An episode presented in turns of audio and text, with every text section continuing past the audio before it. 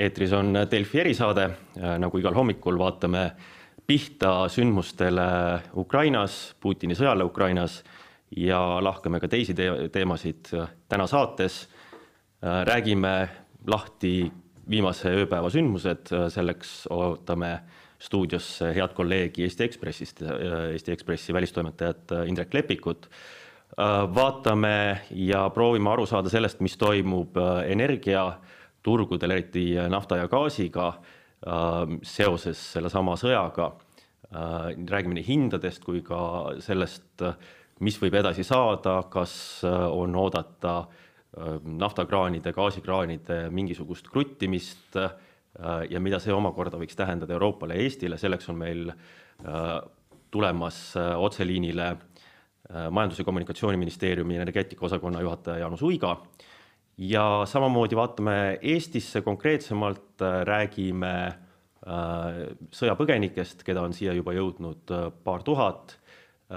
ja räägime eelkõige sellest, mida teevad ettevõtted praegu ette valmistamaks selleks, et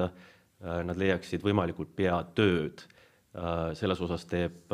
ettevõtjatega väga palju koostööd Töötukassa ja sealt on tulemas meile stuudiosse Katrin Liivamets,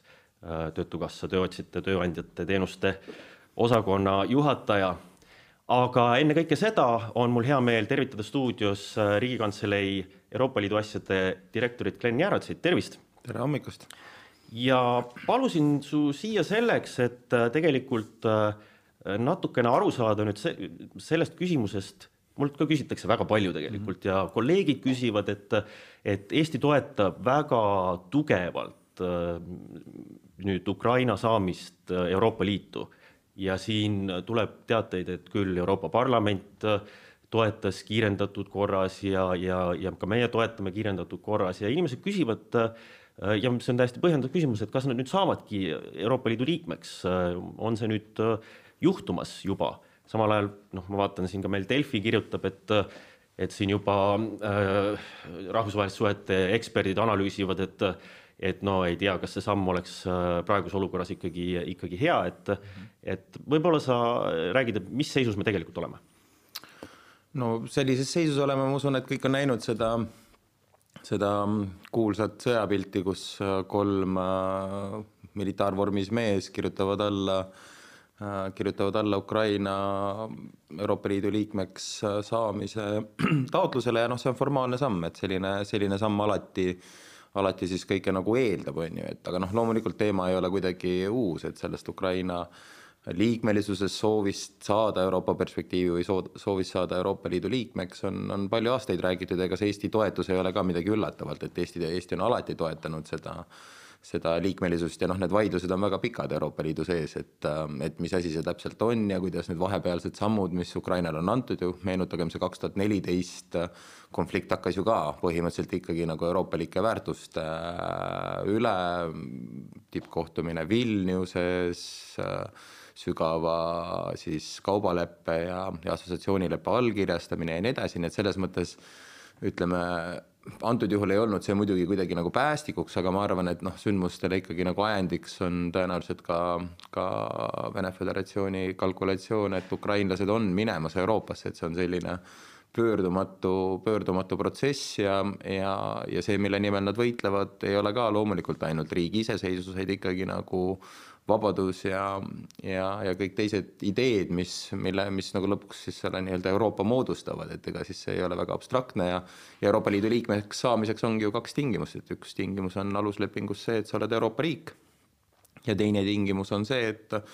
et sa jälgid siis Euroopa Liidu alusväärtusi, artikkel kaks Euroopa Liidu aluslepingust ja artikkel nelikümmend üheksa Euroopa Liidu aluslepingust, nii et need kaks on niisugused baastingimused. Euroopa ei ole muidugi kuidagi määratletud, et mis ta on territoriaalselt ja, ja muidugi on ka neid, kes ütlevad, Euroopa ongi idee, et ta ei ole nagu kuidagi piirkondlikult määratletud, et küsimus, et kas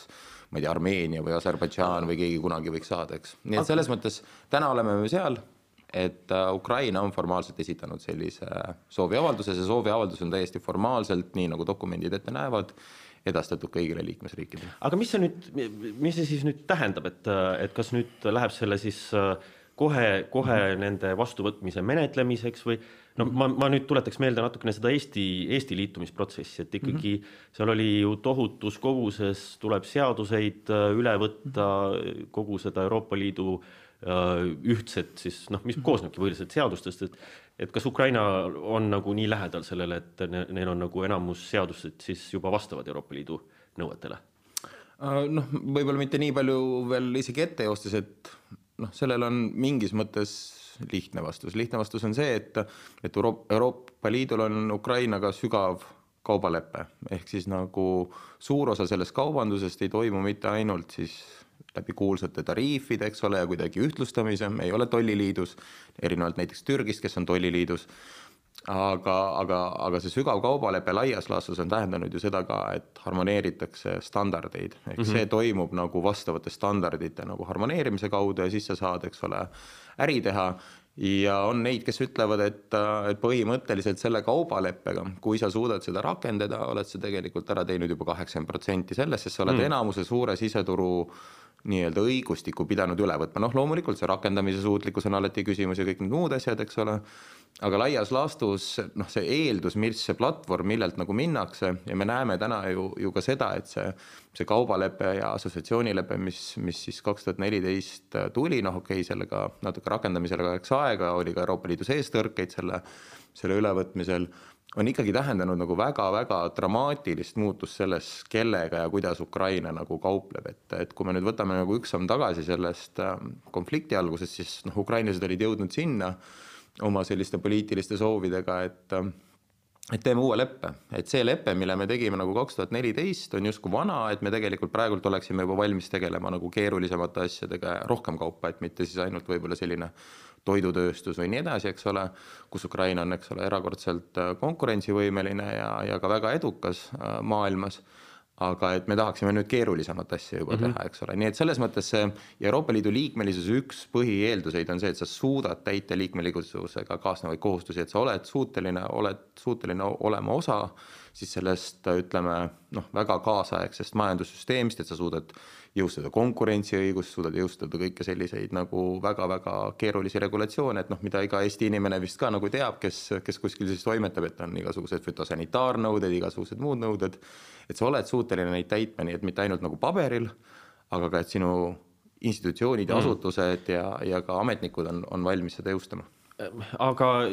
selles mõttes, et mis see, mis see nagu Euroopa Liidu vastus on praegu, et et äh, no, noh, kui me nüüd kerime enne seda mm -hmm. sõda tagasi, äh, siis äh, noh, olgem ausad, terve rida riike olid väga skeptilised mm -hmm. igasuguse laienemise osas mm. -hmm. noh, võtame Prantsusmaa sisuliselt üle, üle, üle nende, mhm. et ei tohiks nagu laieneda enam. Et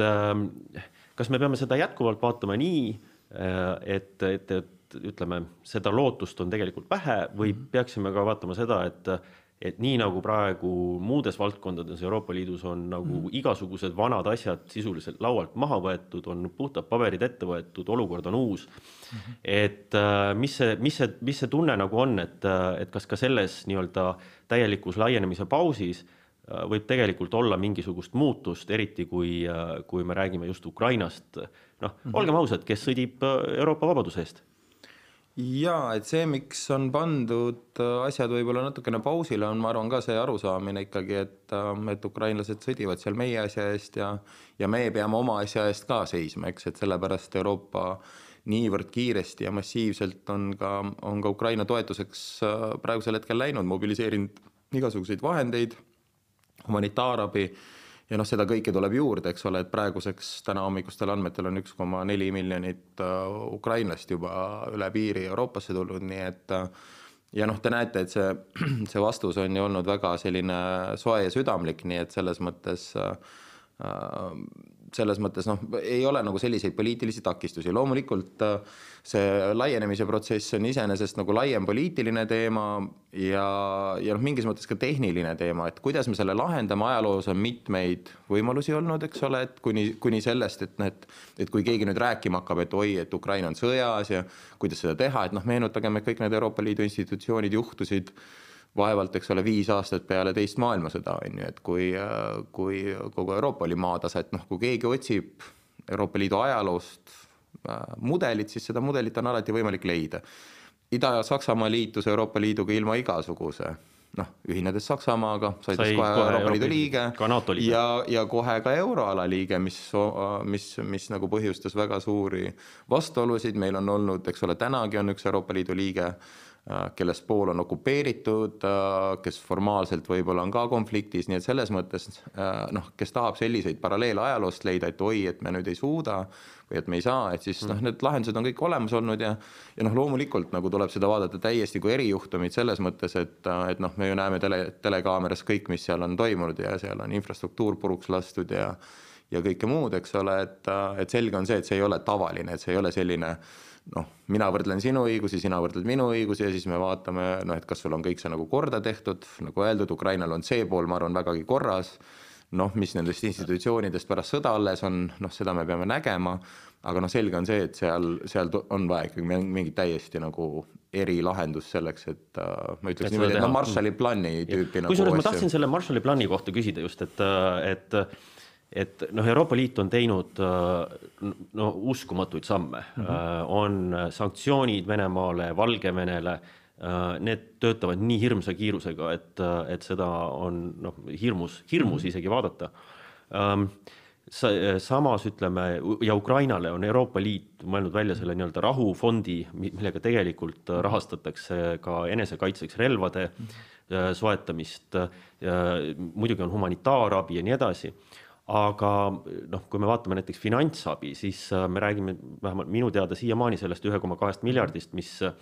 mis anti enne nüüd seda sõja puhkemist. Äh, noh, mulle tundub, et, et noh, üks asi, mida Ukraina võib vajada siin lähikuudel, on ikkagi väga palju raha. et, et mhm. noh, sest et neil ei ole, neil majandus ei saa kesta normaalsetes tingimustes praegu mm. -hmm. et kas, kas, kas mõeldakse ka praegu, ma ei tea, Euroopa Liidu rahandusministrite poole pealt, et mingisugusele ikkagi suurele finantsabile, no Euroopa Liidul raha ju on mm. -hmm. rahandusministrid möödunud nädalal kohtusid küll, aga see on nagu pigem võib-olla selle vaatega, et mis on need esimesed ilmingud, kuidas see asi nagu meile mõjuma hakkab mingisugusest sellisest uuest makromajanduslikust abist, ma usun, et sellele nagu mõeldakse, aga, aga, aga praegusel hetkel ma ei tea, et konkreetselt midagi oleks nagu laual. ja noh, esimesed sammud, mida praegu äh, mõeldakse, on ka see, et eks, et noh, kõik need sammud, mis on Venemaa suhtes tehtud, loomulikult hakkavad meile ka mõjuma, äh, ilmnevad majanduses, nii et et on oodata, et tulevad esimesed sammud ka Euroopa enda majanduse siis nagu vastusammudeks ettevõtetes, ettevõtetele, kes seda nagu, sellest saavad puudutatud ja noh, kõik, mida mida me siin Covidi käigus, eks ole, näinud oleme, et noh, selliseid me oleme noh, tänu, tänu selle, sellele kriisile mingis mõttes oleme valmis seda tüüpi kriisiks ka, eks ole, mis puudutab nagu täiesti sellist noh, majanduslikku nagu suletust põhimõtteliselt noh, mis mis ju meil ka nagu tervisekriisis äh, juhtus, nii et noh, need eelnevad kriisid on meid kõvasti karastanud. me ei ole tõesti teinud nagu, mulle ei meenu praegult vaheldumalt, et me oleksime teinud sellist asja nagu kolmanda riigi suhtes, et, et mingit äh, jooksvalt teda nagu majanduslikult aidanud, et me oleme kõik selles olukorras esimest korda Äh, ja meil ei ole ka mingit riiulilt võtta nagu sellist mudelit, et ma usun, et see tahe on olemas, see, see poliitiline soov. Me oleme mingis mõttes eelarve perspektiivis suhteliselt alguses, et noh, me ju alles alustasime, meil on värskelt olemas Euroopa Liidu eelarve, nii et selles mõttes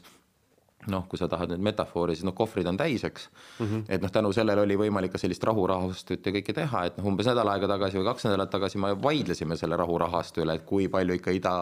ida, idatiivale võiks anda ja, ja kas see võiks olla surmav abi või võiks olla, et noh, sellised ideoloogilised võitlused kõik käisid, et noh, see vaidlus sai sai mm. nädal aega tagasi läbi, eks. aga ma küsin veel, veel soojenduseks, et, et kuna meil on tulemas ka majandusministeeriumist mm -hmm. energeetikaekspert, et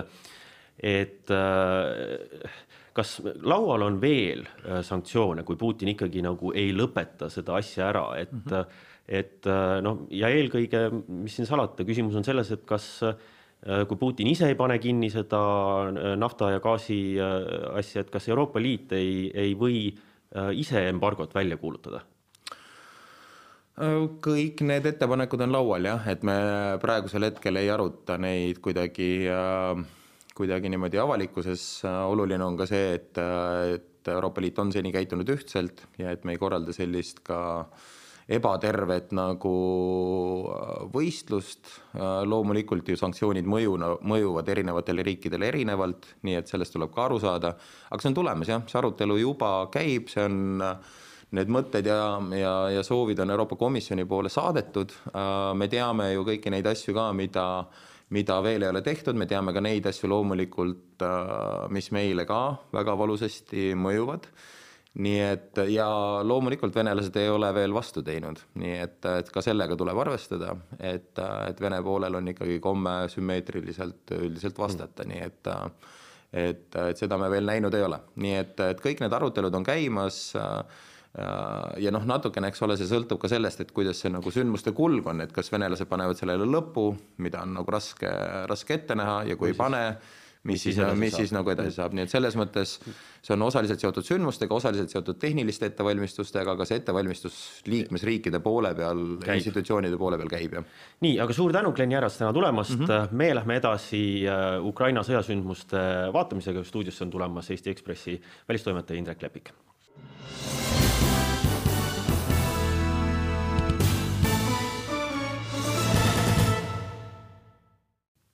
tere tagasi stuudiosse ja nüüd lähme viimase ööpäeva äh, siis äh, sündmuste juurde Ukrainas. Äh, mul on hea meel tervitada kolleeg Indrek Lepikut Eesti Ekspressist. hommikust! ja sa jälgid seda praktiliselt igapäevaselt kogu aeg, oled osa meie tiimist, kes, kes just keskendub nende sündmuste jälgimisele, et ähm, võtame siis ette, et mis, mis seisud meil viimase ööpäevaga Ukrainas on, et ähm, eile vist oli noh, suures plaanis natukene rahulikum ähm,. aga siiski on murekohti, on neid kohti, kus üritatakse midagi, mis, mis seisud meil on? no laias laastus jah, viimaste päevade muster on see, et Vene väed pommitavad või siis suurtükitulega panevad tule peale elamurajoonidele nendes samades linnades, mis on olnud juba pikalt aega piiramises, et räägime siin põhja pool Harkivist allpool äh, Mariupolist, mida tahetakse võtta, see on omakorda kaasa toonud suure humanitaarkatastroofi, kus inimestel ei ole ju tegelikult ei soojust ega, ega vett ega süüa.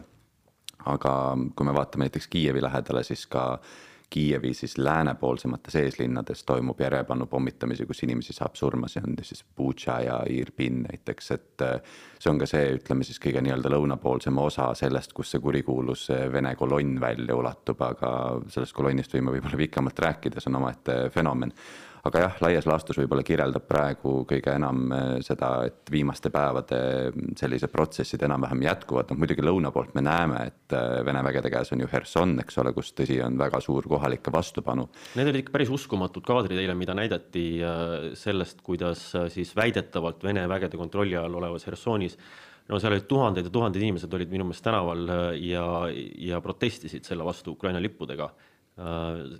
noh, see sellises olukorras see lihtsalt tekitab judinaid. jah, ma rõhutaksingi seda sinu sõna, mida sa ütlesid, et väidetavalt Vene vägede kontrolli all, sest et me saamegi öelda, et äh, me võime ju kaardile joonistada mingeid punaseid laike ja sellega kuidagi kirjeldada Vene vägede mingeid äh, vallutuskäike, aga kui me näeme, et linnas inimesed okupatsioonivägedele ei allu ja me näeme ka seda, et Vene väed tegelikult väga ei julge ka nende inimeste pihta tulistada, siis me peame tõesti küsima, et kas näiteks seesama Herson, mis asub siis lõuna pool, et kas see on Vene vägede kontrolli all, nüüd Hersonist muidugi nad tahavad edasi minna ülespoole äh, Mõkolaevisse, et äh, sisuliselt nad püüavad ikkagi seal vähemasti siis selle nii-öelda mm, ütleme siis Dnepri idakallast nagu kuidagi nagu kindlustada ja, ja sealt edasi liikuda ja on ka näha, et võib-olla Ukraina vägede jaoks see lõuna pool on seni on olnud kõige raskem. on kõige raskem, eks nad peavad ka nagu prioriseerima, et kuhu nad oma vägesid suunavad, sest et neid rünnatakse ju lõppkokkuvõttes kolmest, kolmest suunast ja ja me teame ka tegelikult seda, et Odessa ääres on valmis Musta mere laevastiku dessantlaevad, nüüd küsimus ongi, millal ja kuidas nad täpselt ründavad, mis Odessast saab ja, ja noh, ja muidugi ka siis teiselt poolt, kui me lõunast vaatame või kagust õieti, siis on Mariupol. aga, aga samas ma ütleks, et kui ma nagu vaatasin seda niisugust uudistelinti eile, äh, noh, ühelt poolt ma ütlesin, et oli rahulikum, siis teiselt poolt äh, ma nägin ka seda, et et äh, noh, ukrainlased tegid mitmeid operatsioone, mis olid väga edukad ja, ja taaskord oli väga palju siis venelaste tehnikat lasti maha ja eriti äh, eile jäi silma see, et tõesti lõpuks ei jõudnud peaaegu lugedagi, kui palju lennukeid ja lennumasinaid lasti, lasti alla. et, et selles mõttes, kuidas, kuidas sulle näib nagu see äh,, mulle ei näi nagu väga edukas ikkagi see Venemaa sõjamasina töö, et, et nad kogu selle hulluse juures kannavad väga-väga suuri kaotusi. ja eks siin keskne probleem ongi selles, et kui nüüd on ikkagi välja tulnud, et venelaste algne plaan oli põhimõtteliselt Ukraina või vähemasti Kiiev kolme päevaga ära võtta siis kuna see plaan ei läinud läbi, siis kõik ülejäänud rünnakud on sellised koha peal välja mõeldud. ehk siis nad saavadki tegelikult, tegelikult kogu aeg nii-öelda siukseid ühekordseid operatsioone teha, nad, neil ei ole sellist nagu keskset sõjaplaani enam, nad lihtsalt kogu aeg proovivad ja proovivad. aga need üksiküritamised nõuavad ikkagi sellist logistilist ettevalmistust. ja seda omakorda näevad ukrainlased ette, sellepärast et ameeriklane annab Ukrainale ikkagi kogu eh, Ukraina sellest eh, õhust, annab selle pildi, mis maa peal toimub, mis tähendab seda, et eh, ukrainlased mitte üksnes ei hävita Vene lennu lennumasinaid, vaid nad väga oskuslikult hävitavad ka igasuguseid kütuseveokeid. ja, ja see on see, miks seesama kasvõi see kolonn seal lihtsalt istub, mis tegelikult põhimõtteliselt juba vajub mutta praegu mm. -hmm. ja, ja seejuures tänu sellele, et nad hoiavad kinni, vist äh, äh, suudetakse ka ikkagi toimetada päris efektiivselt eesliinile ka seda Euroopa siis abi, mis eelmisel nädalal äh, kõik lubati sisuliselt, et, et see ikkagi liigub rinnete poole jah, ja kui me räägime relvadest, siis ameeriklased ütlevad, et neid äh, Javelini ja Stingereid oskavad ukrainlased juba paremini kasutada kui nemad ise, et selles mõttes me näeme tõesti nende videote pealt, et äh, et nad teevad seda väga oskuslikult ja ameeriklased praegu näevad ka vaeva, et äh,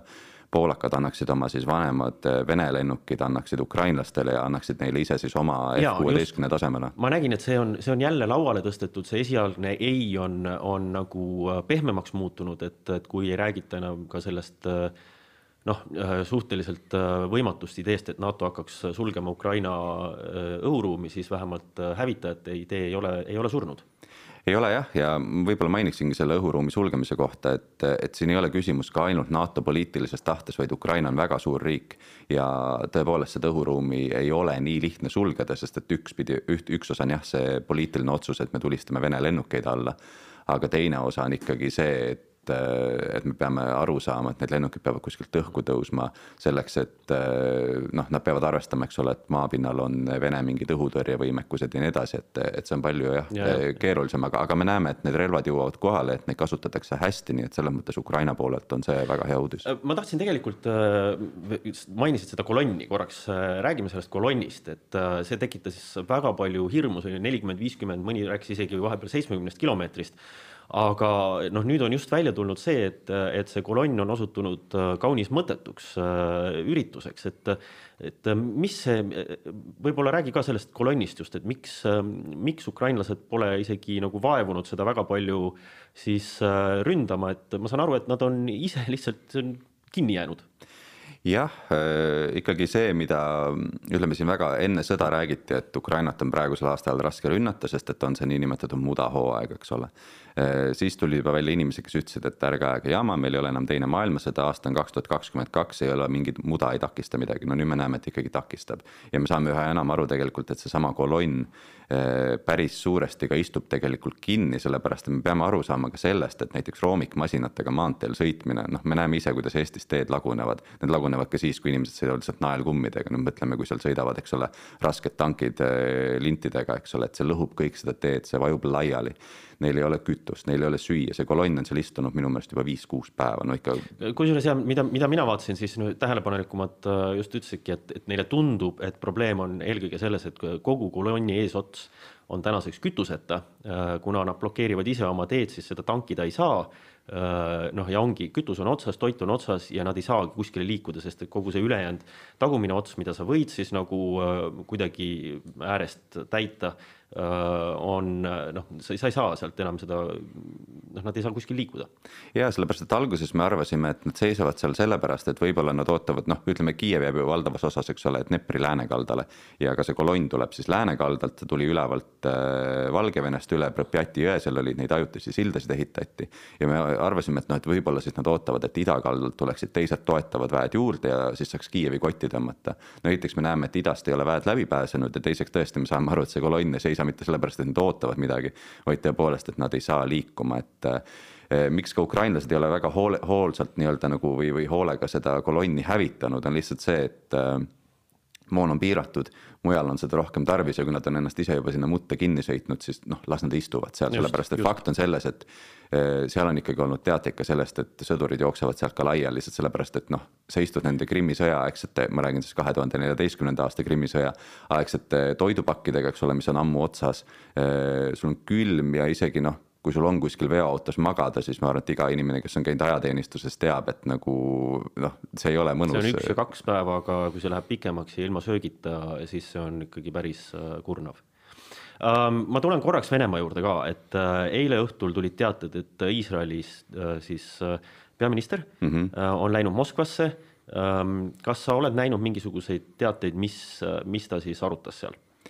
Me täpselt ei tea ja me ei ole ka kuulnud või tähendab, eile õhtul oli ka teade, et äh, Zelenskõi ei võtnud seda nagu väga hea toonina, et ta praegu Moskvasse lendab, aga iseenesest Iisraelil on olnud suhteliselt keskne äh, roll sellises potentsiaalses vahendamises, sellepärast et äh, Zelenskõi ise palus seda, Iisrael on täpselt ka ütleme sellises nagu diplomaatilises mõttes Ukraina ja Venemaa vahel, Iisraelis on suur Ukraina kogukond, Ukrainas on suur juudi kogukond ja nii edasi aga Iisrael on geopoliitiliselt erakordselt nagu keerulises olukorras ja mõnes mõttes äh, Iisraeli käitumine, ütleme see, mis positsioone nad diplomaatiliselt valima hakkavad, mingil määral võib meil isegi ennustada, mis suunas see sõda on justkui liikumas ja, ja mingeid tulevasi nagu selliseid äh, samme ennustada. et äh, mina vähemasti päris täpselt ei tea, millest Bennett ja Putin rääkisid aga mul on küll ka raske ette kujutada, et nüüd mingi sellise rahuläbirääkimiste formaadi juurde lähiajal jõutakse seekaudu. Mm.. Um, kui palju sa oled vaadanud seda, mis toimub äh, Venemaal sanktsioonidega ja, ja sellega, mis puudutab Vene majandust, et äh, et need, äh, mina ei suuda enam järge pidada nendest lääne ettevõtetest, kes kõik äh, tõmbavad ennast välja. ma saan aru, et nüüd ka Visa ja Mastercard on öelnud, et, äh, et Venemaaga on kõik neil. et ähm, noh, mis sa, mis sa nagu ennustad siin nüüd järgmisteks päevadeks, et, et noh, kui ka konservatiivselt ennustada, siis olukord läheb päevadega, päevadega ähm, väga kehvaks, sest aga, aga kuidas sina seda näed? nojah, homne on selles mõttes väga huvitav, et algab uus töönädal ja me ju teame näiteks, et Moskva börs pole siiani avanenud, kui me vaatame, mis Londoni börsil toimub, siis sõna otseses mõttes Gazpromi ja Sberbanki äh, aktsiad ei ole enam mitte midagi väärt. no see on üks asi, see näitab nagu ettevõtluse poolt aga me näeme, eks ole, et rubla, rubla devalveerub ja, ja see Visa Mastercard on, on selles mõttes väga oluline, et äh, raha kasutamiseks sa pead ikkagi olema võimeline seda liigutama, et see raha võib ju sul kuskil istuda, aga kui sul ei ole noh, põhimõtteliselt kui sul nii-öelda puudub likviidsus, eks ole, siis sa ei saa seda kasutada ja, ja sellised just nende maksesüsteemide häired on see, mis halvab üht majandust. et äh, sisuliselt äh, Venemaal on veel jäänud, eks ole, toormemüük gaas ja nafta, aga me näeme näiteks seda, et sedasama Uurali naftat tuleb müüa Brenti naftast noh, kakskümmend protsenti odavamalt maailmaturul. Shell on nüüd sattunud suure kriitika alla, sest et nemad seda on ikkagi kokku ostnud. aga põhimõtteliselt nende alampakkumiste peale ei ole ka isegi lääne rafineerijad väga välja tulnud. et, et selles mõttes on, on, on mõnes mõttes on see olukord prognoosimatu, aga nagu kolleeg Sulev Peedler eile kirjutas, siis Vene majandus on tõepoolest persekursil. ja, ja noh, mitte ainult ütleme, ettevõtted, siin oli ka nüüd eile või üleeile oli näide, kuidas äh, Briti sadamatöölised ei olnud nõus äh, lossima tühjaks äh, siis Venemaa gaasilaeva, mis, mis kõik on lubatud, aga nad lihtsalt ei olnud nõus ja laev pidi sõitma mujale. ja me näemegi väga palju sellist nagu vabatahtlikku sanktsioonide järgimist põhimõtteliselt, et just energiasektoris, mida tegelikult ju lääs ei ole otseselt väga suurte sanktsioonide alla seadnud. eraettevõtted ise võtavad äh, vastu otsuseid, mille suhtes on kindlasti nagu väga suur avalik äh, surve, me näeme ka, et oligarhe on pitsitatud, siin eile oli mitu uudist selle kohta, kuidas Itaalia võimud äh, võtsid ära nii villasid, jahte et, et selles mõttes see kõik jätkub ja peame arvestama ka, et praegu on kuu algus. kui palju on riigil olnud võimekust näiteks eh, palkasid või pensione välja maksta, me päris täpselt ei tea Vene riigil siis. et eh, igatahes järgmine nädal saab olema väga otsustav mm.. Uh... Delfi erisaade hoiab järgmisel nädalal kõigel sellel silma peal, aitäh, Indrek Lepik ja järgmiseks meil on liinil Jaanus Uiga Majandus- ja Kommunikatsiooniministeeriumist rääkida energiateemadest lähemalt.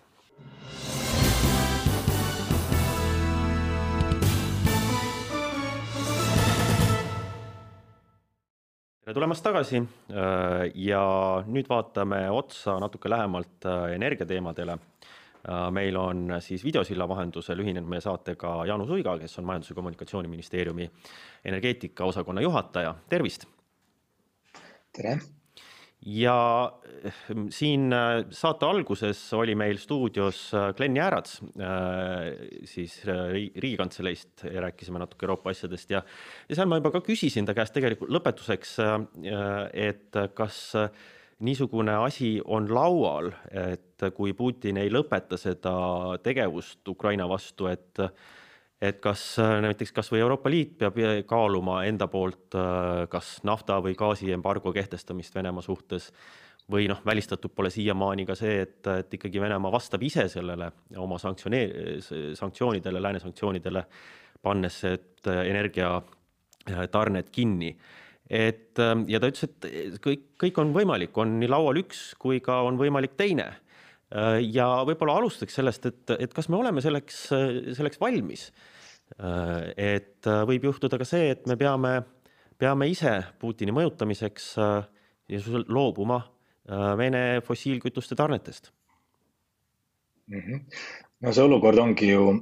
täiesti uus ja, ja, ja keeruline ja eks kõik lootsid, et, et selliseks see kunagi ei lähe aga, aga päris nii ka ei ole, et me ei ole üldse valmistunud selle jaoks. meil, vähemalt meie regioonis me oleme mitmekesistanud oma tarneahelaid, me oleme vähendanud oma gaasisõltuvust,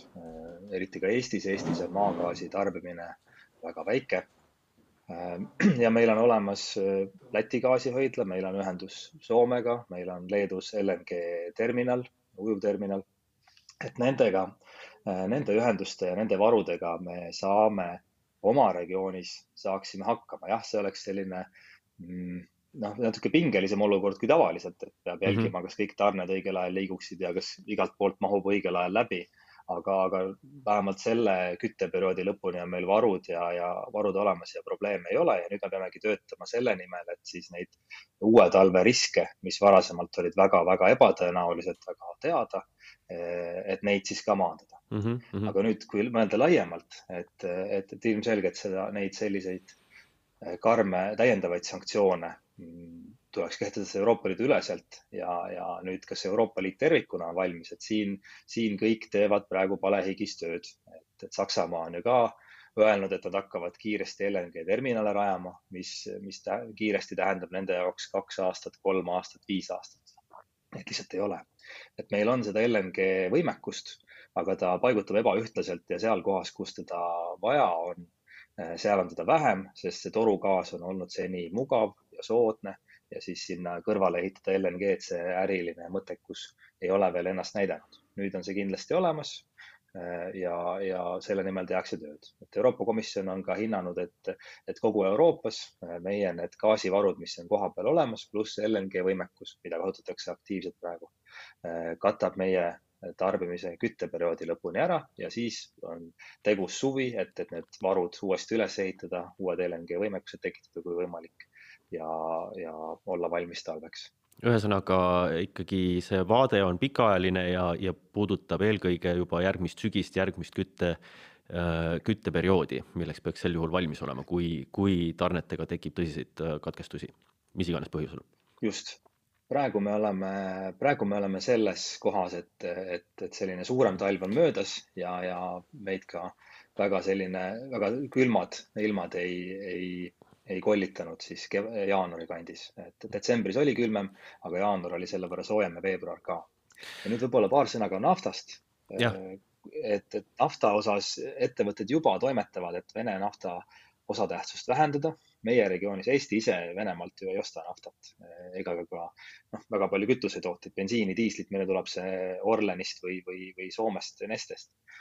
Need rafineerimistehased siis vaatavad, kas nad saavad ennast ümber seadistada ja, ja tõesti, tõesti paljud ettevõtted, noh, nii Neste kui ka Orlen on juba öelnud, et nemad tahavad mitmekesistada ja, ja, ja mitte osta seda Vene naftat enam. et ma arvan, et nafta osas on, on ilmselt see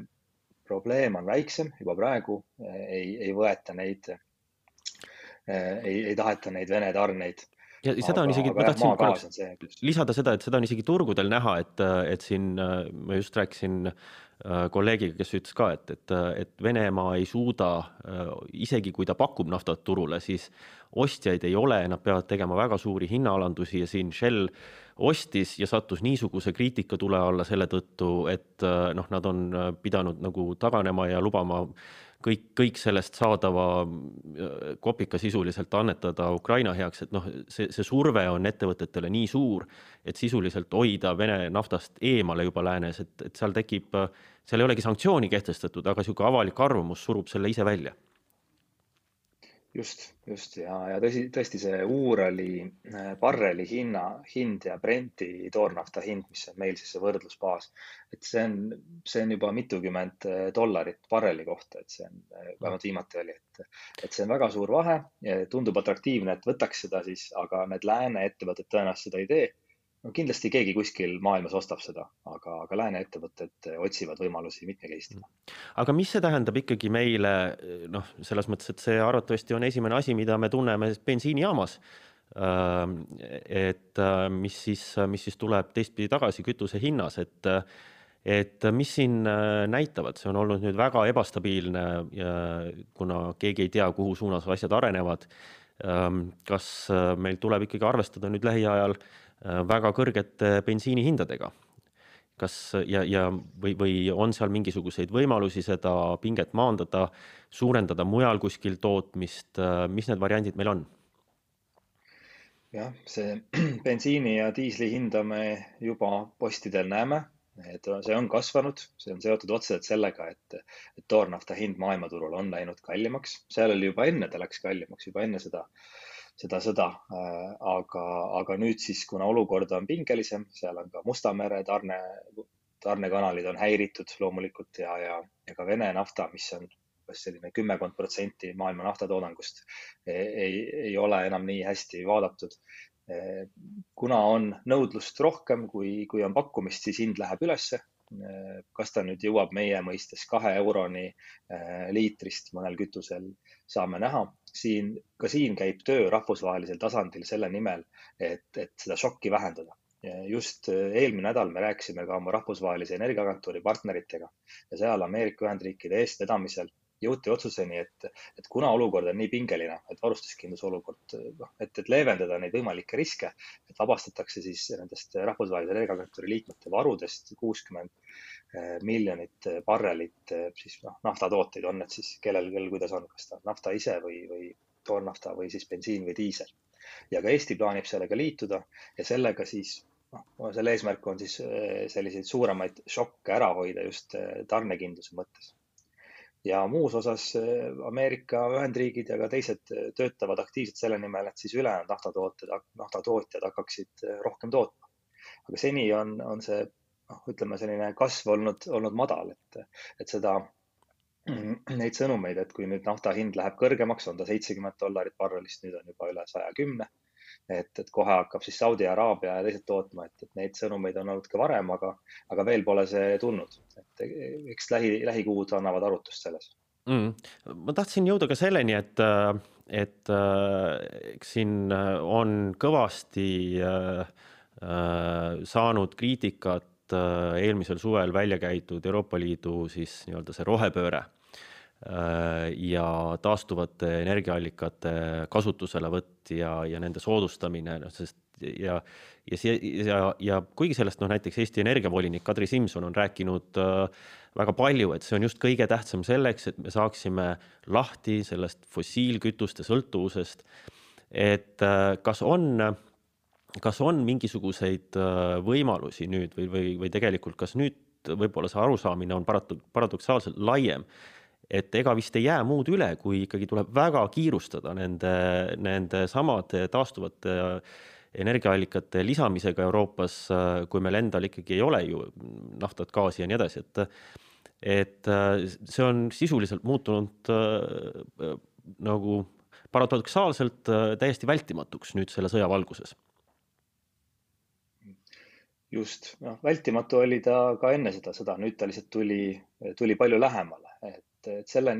selle, see on üks selliseid positiivseid mõjusid, kui me kasutame kohalikke taastuvaid, teeme enda tarbimise energia tõhusamaks, ei tarbi nii palju, et siis me ei ole sõltuvad enam kolmandatest riikidest, on nad siis meie naabruses või, või kuskil mujal, et alati võib olla selliseid tarnehäireid ja kõike muud, et kui meil ikkagi, me vaatame siin praegu on ka päiksepaisteline ilm juba päikesepaneelid, mida Eestis on sadu megavatte juba toodavad. et mm -hmm. neid küll ei olnud siin detsembris, aga, aga praegu on see meil olemas ja see on meil käes. selle jaoks me ei pea importima sisse eh, fossiilkütuseid. nii et ma arvan, et siin Euroopas eh, hakkab eh, väga suur üleminek maagaasi kasutamiselt kodude kütteks ja, ja muudelt fossiilsete kütuste kasutamiselt taastuvatele. sel nädalal, ja sel nädalal isegi Rahvusvaheline Energiaagentuur avaldas niisuguse kümnepunktise plaani kus nad ütlesid niimoodi, et sisuliselt Euroopal, kui me jätame kõrvale mingid sanktsioonid või meetmed või mis iganes, oleks täiesti võimalik äh, ühe aastaga kolmandik äh, Vene gaasist jätta tarbimata, ühe aastaga. Ähm, tehes nii-öelda liigutusi nüüd kiirendades neid taastuvenergia ja, ja muid, muid asju, millega nagu siis noh, nii-öelda enda sõltuvust vähendada, et äh, kas need kõik niisugused asjad tulevad ka nüüd lauda? Need asjad on, on olnud juba senini kindlasti ka laual, aga nüüd nad tulevad veelgi aktuaalsemalt lauda, et äh, saime jälle kinnitust, energiatõhusus ja taastuvenergia on, on kahetsusvabad investeeringud, peame neid tegema veel rohkem ja veel kiiremini. Äh, samas seal oli ka teisi erinevaid võimalusi mitmekesistada, LNG tarneahelaid, et see on natuke vastassuunaline tegevus jällegi rohepöördega. et, et me peame ühtpidi tegelema selle rohepöördega loomulikult, minema üle kliimaneutraalsele tootmisele, aga teistpidi me peame tagama ka, et varustuskindlus oleks tagatud, et meil mm. oleks soe, meil oleks elekter, meil tuled vilguks, tuled põleksid ja ei vilguks. ma, ma viimase asjana küsin seda, et, et kuidas te nüüd sellest aru saate et siin ähm, äh, talvel oli meil suur äh,, suur jutt, noh, me rääkisime siin praegu bensiini hinna tõusust, eks ju, nafta hinna tõusust. talvel oli väga suur mure sellega, et paralleelselt äh, siis gaasi ja muude hinnatõusudega tõusis ka Euroopa Liidus see nii-öelda CO2 kvoodi hind ähm, aga kui üks asi on nüüd kukkunud sügavale auku võrreldes sellega, mis ta siin oli paar nädalat tagasi, siis on seesama Euroopa Liidu kvoodi hind ehk selle, selle äh, selle nii-öelda, mis siis fossiilkütustest äh, elektritootjad, energiatootjad peavad maksma. Ähm, kuidas see siis nüüd niimoodi nagu vastassuunaliselt käib, et miks see on ära kukkunud? no ühtpidi on ju see hea, et see tähendab, et üks selline hinnasurve tekitaja läheb vähemaks, et, et meil, tõsi, meil seda eh, hinnatõusu vedas ju maagaas, äh, mis, mis kallines viis korda, aga, aga, aga CO2 Äh, nüüd veel veebruaris oli ta seal saja kandis ja nüüd on tulnud viimased tehingud kuuekümne peale alla. ma arvan, et on vara veel öelda, kas ta on tulnud püsivalt alla või ta tuli lihtsalt korraks. aga seal võib olla mitu mõju, et, et siin ettevõtted võib-olla hindavad oma tegevust ümber, on, on äh, noh, sõja tõttu ja, ja võib-olla nad ei vaja siis nii palju seda kvooti või siis eelmise aasta eh, hinnatõus pani oma tootmist ümber korraldama nii, et seda kvooti vaja ei ole. et eks see hind kujunebki sellest, et on nõudlus ja pakkumine, järelikult seda nõudlust nii palju ei ole, et, et sellist kõrget pakkumishinda, mis, mis me varasemalt nägime, toetada hmm igal juhul äh, väga põnevad ajad äh, ja keerulised ajad ja kriitilised ajad on ees energiasektoris. suur tänu, Jaanus Uiga äh,, meiega täna ühinemast ja nüüd lähme äh, stuudiosse selle juurde, mis puudutab äh, siis sõjapagulasi ja nende äh, edasist äh, hakkamasaamist Eestis ja räägime Töötukassaga sellest, äh, mismoodi neile võiks leida võimalikult kiiresti tööd Eestis.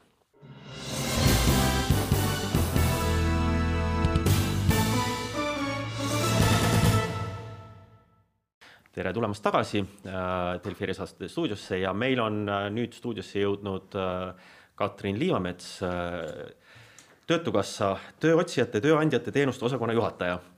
ja miks ma teid siia kutsusin, äh, on, on see, et tegelikult ma siin reedel rääkisin äh, ka tööandjate esindajatega ja, ja just noh, uurisin, et et kas midagi tehakse ja, ja et mis noh, eriti arvestades seda, et Eestisse on ka jõudnud äh, tänaseks üle kahe tuhande sõjapõgeniku Ukrainast. Et äh, väga tähtis on ju see, et kindlasti nad vajavad esialgu natukene puhkust, nad vajavad äh, noh, niisugust esialgset abi, aga üsna pea tekib see küsimus, et äh, selleks, et inimene saaks ennast väärtuslikuna tunda mm -hmm. ja on vaja kollektiivi, on vaja tööle saada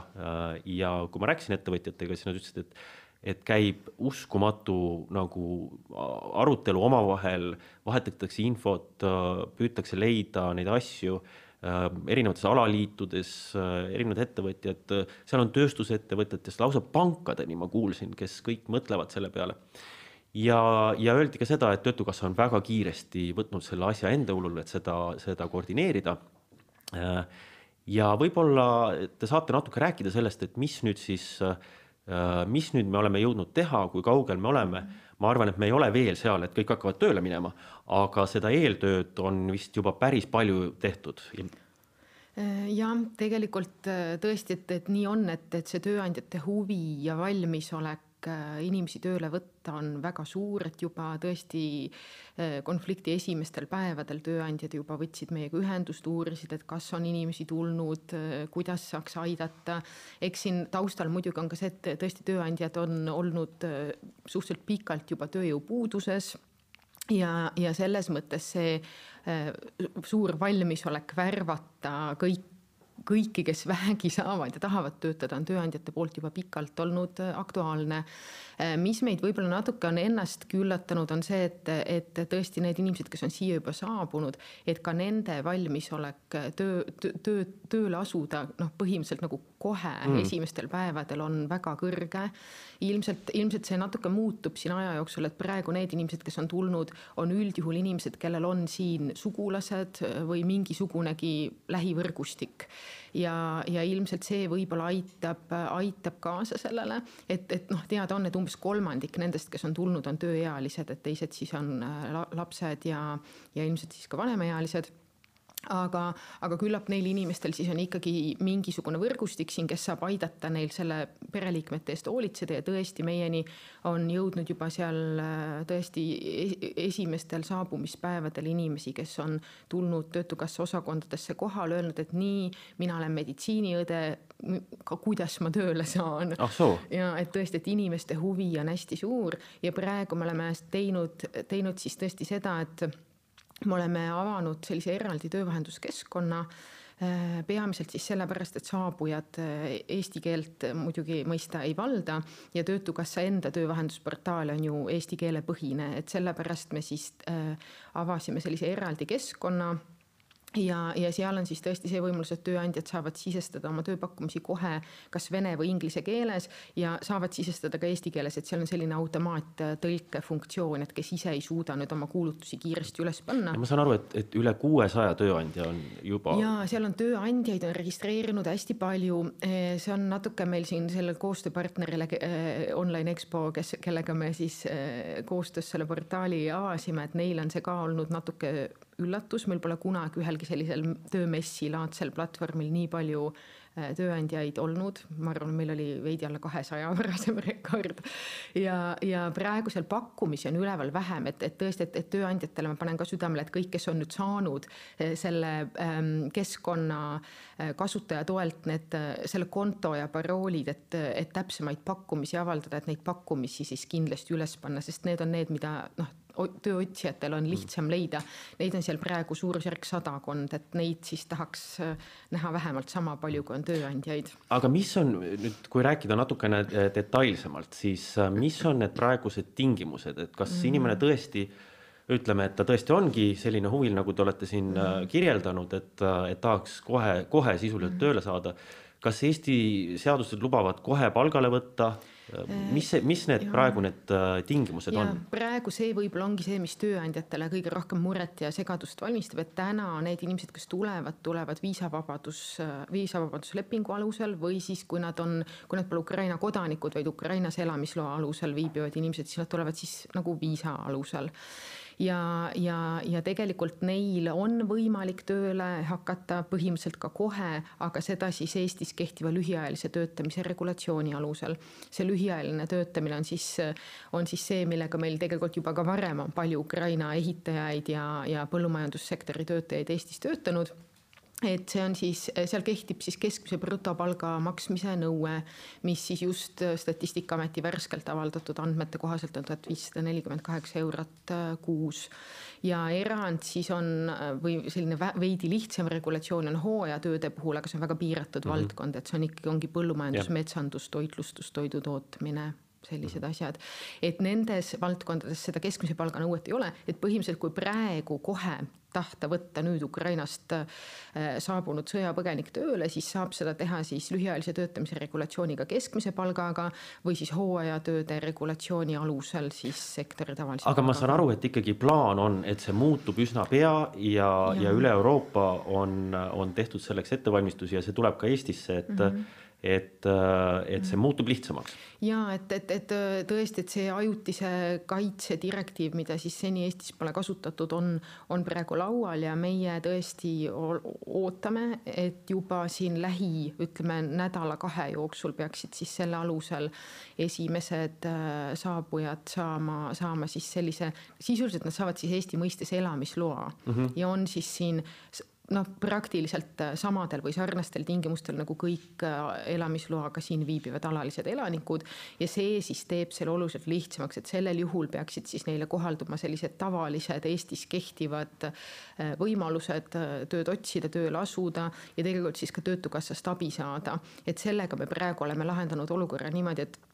meil kõik bürood on valmis neid vastu võtma, meil on seal sellised noh, arvuti kasutamise võimalus äh, ja, ja, ja on olemas seal sellised äh, inimesed, kes saavad siis neid noh, lihtsalt aidata kasvõi siis neid eestikeelseid tööpakkumisi uurida, vaadata, leida endale sobivad, leida sealt kontaktandmed ja võtta juba tööandjatega ühendust. ja mis me veel teinud oleme, me oleme nendes Tallinna ja Tartu majutuskeskustes nüüd, nüüd kokkuleppel siis eh, ohvriabi ja, ja, ja, ja siis nende ennetavate meetmete osakondadega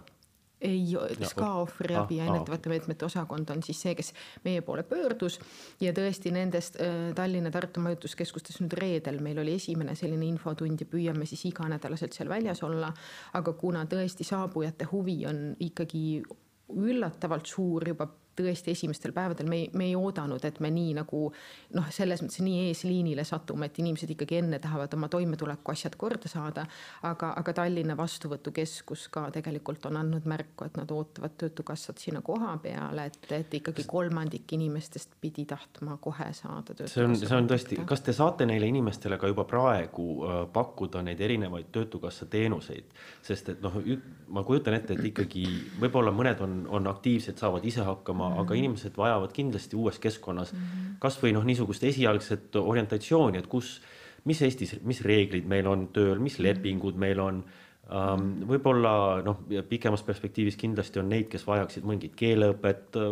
noh, mingisuguseid niisuguseid mm -hmm. asju, mida meil ju ka mm -hmm. tegelikult töötutele pakutakse, kas te neid saate ka pakkuma hakata? no sellega ongi nii, et praegu me saamegi põhiliselt anda neile igasugust infot, et nendes infotundides me räägimegi sellest, et kuidas nad täna saavad töötada, kuidas nad saavad töötada siis, kui nad saavad elamisloa ja, ja, ja praegu saame neid põhimõtteliselt töö otsimises ja töövahenduses aidata, aga selliseid klassikalisi teenuseid, millest millest meil siin muidu on palju juttu olnud, koolitused, mingid tööpraktika võimalused. Nende, nende pakkumiseks meil on vaja seda elamisloa lahendust nende inimeste mm, jaoks. sedasama, mis, mis siis tehakse. sest praegu me töötuna neid registreerida ei saa, et me saame lihtsalt anda neile nõu, pakkuda abi, olla nende jaoks kohal, aga, aga töötuna registreerida meil ei ole neid võimalik mm. ma, ma tahtsin veel jõuda selleni, et, et noh, siin äh, kui, kui te ütlesite, et te ootate, et nüüd need tööandjad võiksid panna ka neid mhm. konkreetseid pakkumisi üles, et ähm, noh,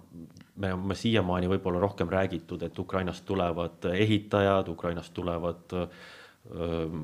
mingid tehnikud mm, -hmm. nii edasi,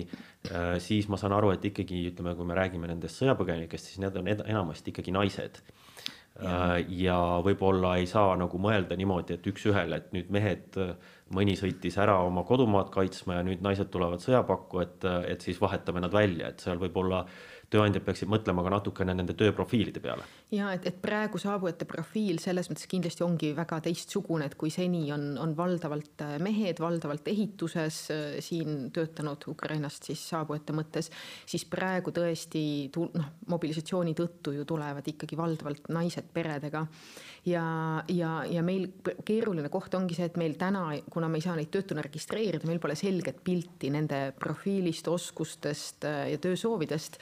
aga, aga loodame selle võimalikult ruttu tekitada. nii palju, kui praegu oleme oma osakondadelt tagasisidet saanud, kuhu inimesed on pöördunud, siis tõesti on nii õpetajaid, on meditsiinitöötajaid, on selliseid äh, lihtsamat äh, tööd soovivaid inimesi, kes lihtsalt tahavad midagi teha ja isegi ei oota, et see peaks nende nii-öelda kodumaa töö tööprofiilile vastama, aga tööandjad tõesti on väga avatud olnud, et portaalis meil praegu on üleval noh, täiesti seinast seina tööpakkumisi, et, et on panku, on IT-firmasid igasuguseid IT-analüütikuid, arendajaid, põllumajandustöötajaid ja mida kõike on, ollakse valmis pakkuma, aga, aga see, et, et tõesti, et mis tööd need inimesed tahavad ja soovivad teha, see on, vajab veel natuke settimist ühesõnaga äh, ma loodan, et hästi kiiresti saate äh, korda selle äh, siis nende staatuse küsimuse, et neile saaks pakkuda erinevaid teenuseid ja tõesti, et väga hea on kuulda, et inimeste huvi on enda suu-, väga suur, ettevõtjate huvi on väga suur neid toetada. et loodame, et kõik nad saavad omavahel kokku. inimesed on siin teretulnud ja saavad siin nii kaua olla, kuni see õudne olukord seal äh, laheneb ja endaga kenasti hakkama. suur tänu stuudiosse tulemast äh,. Katrin Liivamets Töötukassast ja Delfi erisaade on taas eetris homme, aitäh vaatamast-kuulamast.